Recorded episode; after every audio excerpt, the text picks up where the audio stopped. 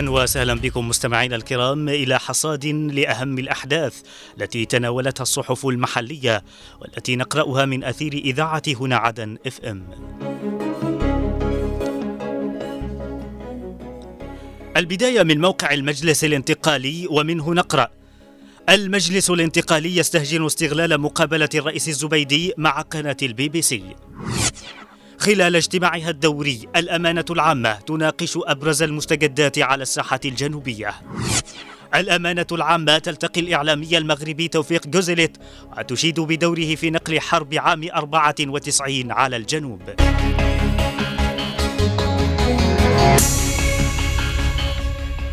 استهجن المجلس الانتقالي الجنوبي استغلال مقابلة الرئيس القائد عيدروس الزبيدي مع قناة البي بي سي واقتطاع جزء منها وتوظيفها في غير سياقها حيث جاءت إجابته كجزء من مقابلة مطولة تناولت المشهد السياسي في الجنوب واليمن والمنطقة. وأوضح المجلس في بيان أصدره الأربعاء بالاحتفاظ بحقه في الرد على ذلك العمل من خلال الأطر القانونية. ازاء ما حدث من اجتزاء لتصريحات الرئيس وتوظيفها بشكل سلبي بقصد التشهير والإساءة المتعمدة داعيا إلى إجراء تحقيق شامل وشفاف بشأن أي ادعاءات تتعلق بانتهاكات حقوق الإنسان والاغتيالات السياسية واستجلاب الجماعات الإرهابية وتوطينها وتوظيفها منذ مطلع التسعينيات حتى اليوم مؤكدا مواصلته لجهود مكافحة الإرهاب والتطرف وتجفيف منابعه. ناقشت الأمانة العامة لهيئة رئاسة المجلس الانتقالي الجنوبي خلال اجتماعها الدوري الأربعاء برئاسة فضل الجعدي مستجدات الأوضاع الاقتصادية والسياسية والاجتماعية على الساحة الجنوبية وأبرزها الاستهداف الممنهج للتعليم والثقافة وعملية تزوير الحقائق التاريخية والثقافية والجغرافية للجنوب وشعبه وقضيته. كما استعرضت الأمانة خلال الاجتماع تقرير الانضباط الوظيفي المقدم من دائرة الشؤون المالية والإدارية الذي تناول مستوى الحضور والغياب لكادر الأمانة العامة خلال العام المنصرم بالإضافة إلى استعراض أهم الأنشطة التي تم تنفيذها خلال الأسبوع الماضي.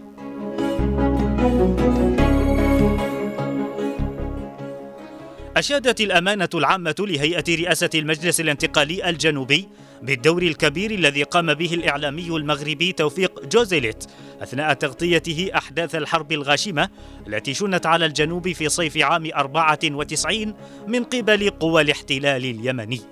جاء ذلك لدى لقاء الأمانة العامة برئاسة الأمين العام فضل الجعد الثلاثاء بالإعلامي جوزيليت الذي كان شاهدا على المجازر التي تعرض لها شعب الجنوب من قبل نظام صنعاء إبان حرب صيف عام 94 من خلال نقله لتلك الأحداث عبر قناة الإم بي سي. وفي الاجتماع الذي حضره مساعد الأمين العام عبد النقيب رئيس تنفيذية انتقال العاصمة عدن مؤمن السقاف وعدد من رؤساء دوائر الأمانة أكد جوزيليت على أحقية شعب الجنوب باستعادة دولته المستقلة وفقا للقانون الدولي.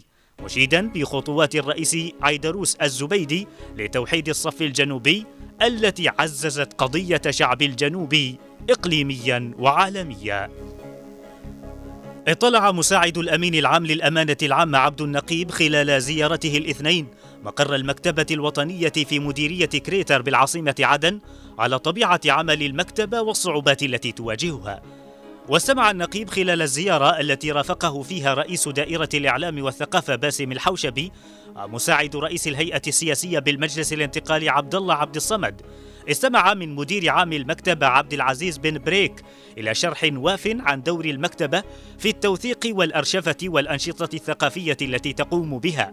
مطلعا منه إلى أبرز الاحتياجات المعززة لعملها بالإضافة إلى العراقيل التي تتعمد الجهات الرسمية صنعها لمواصلة تدمير الإرث الثقافي للعاصمة عدن وبقية محافظات الجنوب.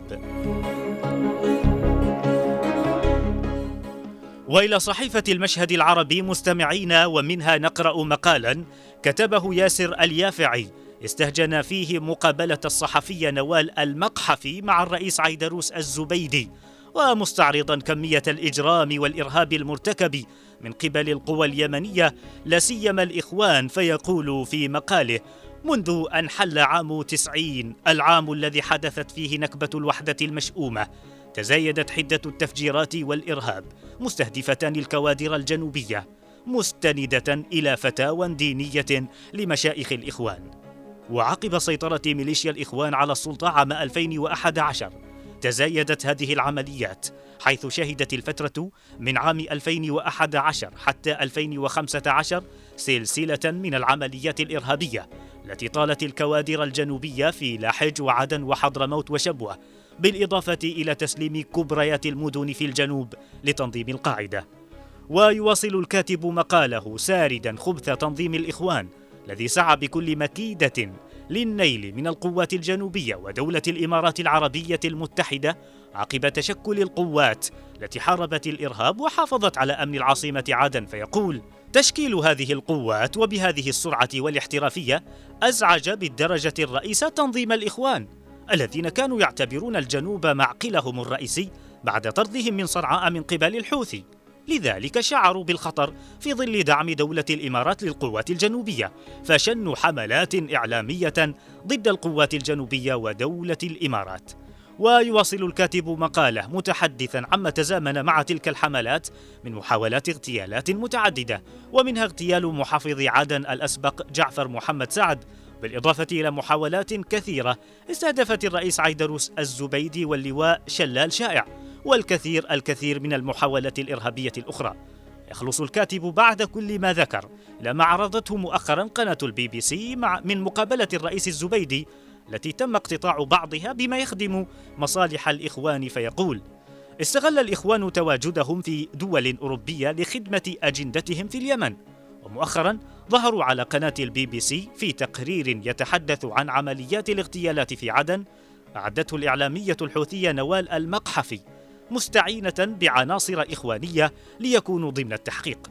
هدفوا من خلاله إلى تبييض سجل الإخوان والحوثي من العمليات الإرهابية التي ضربت عدن والجنوب طوال السنوات الماضية وسعوا إلى تحويل الجلاد إلى ضحية والضحية إلى جلاد.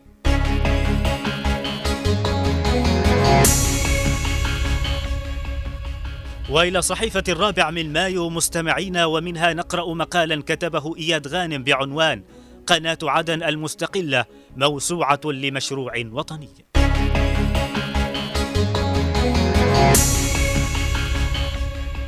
يقول غانم في مقاله قناة عدن المستقلة نموذج فريد للإعلام الجنوبي والصوت المعبر عن إرادة وتطلعات شعب الجنوب إنها أهم جبهة للإعلام الوطني. وقد شهدت خلال الفترات السابقة تطورا ملحوظا وملموسا وحققت نجاحات كبيرة من خلال تبنيها لخارطة برامجية متنوعة بقيادة رئيس قطاع الإذاعة والتلفزيون الجنوبي الشاب المبدع عبد العزيز الشيخ وطاقمها الوطني.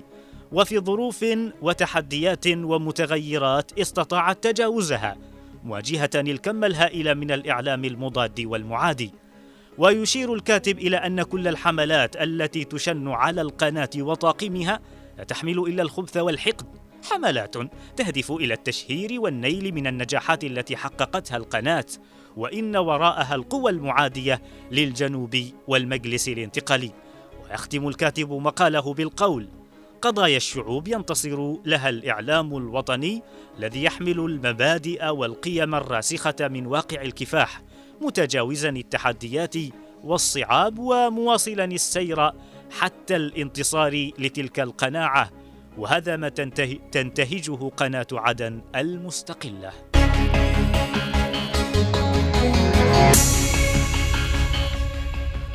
وتزامنا مع ذلك مستمعين نقرأ ما كتبته صحيفة عدن تايم. نشطاء جنوبيون يطلقون وسم قناة عدن المستقلة خط أحمر.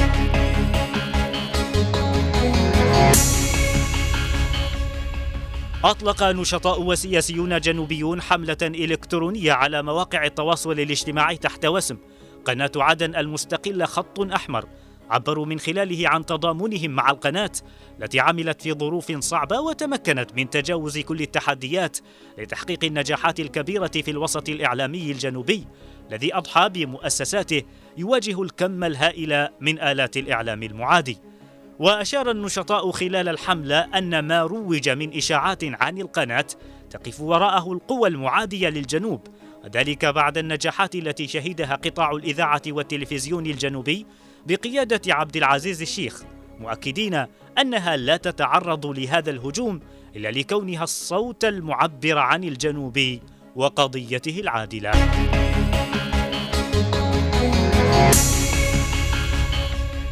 وإلى موقع درع الجنوب مستمعين ومنه نقرأ تزامنا مع الذكرى الثامنة لتحرير مدينة المكلا من التنظيمات الإرهابية.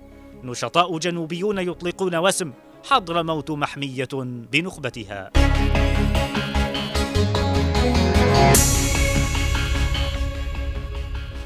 تزامنا مع الذكرى الثامنة لتحرير مدينة المكلا من التنظيمات الإرهابية من قبل قوات النخبة الحضرمية.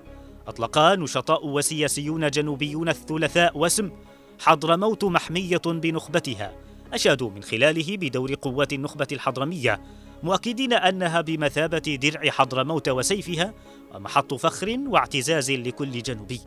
وأكد الناشطون خلال الحملة الإعلامية أحقية أبناء حضرموت في تأمين محافظتهم وإدارة شؤونها بأنفسهم مجددين المطالبة باستكمال تحرير الوادي من الاحتلال والإرهاب الإخواني.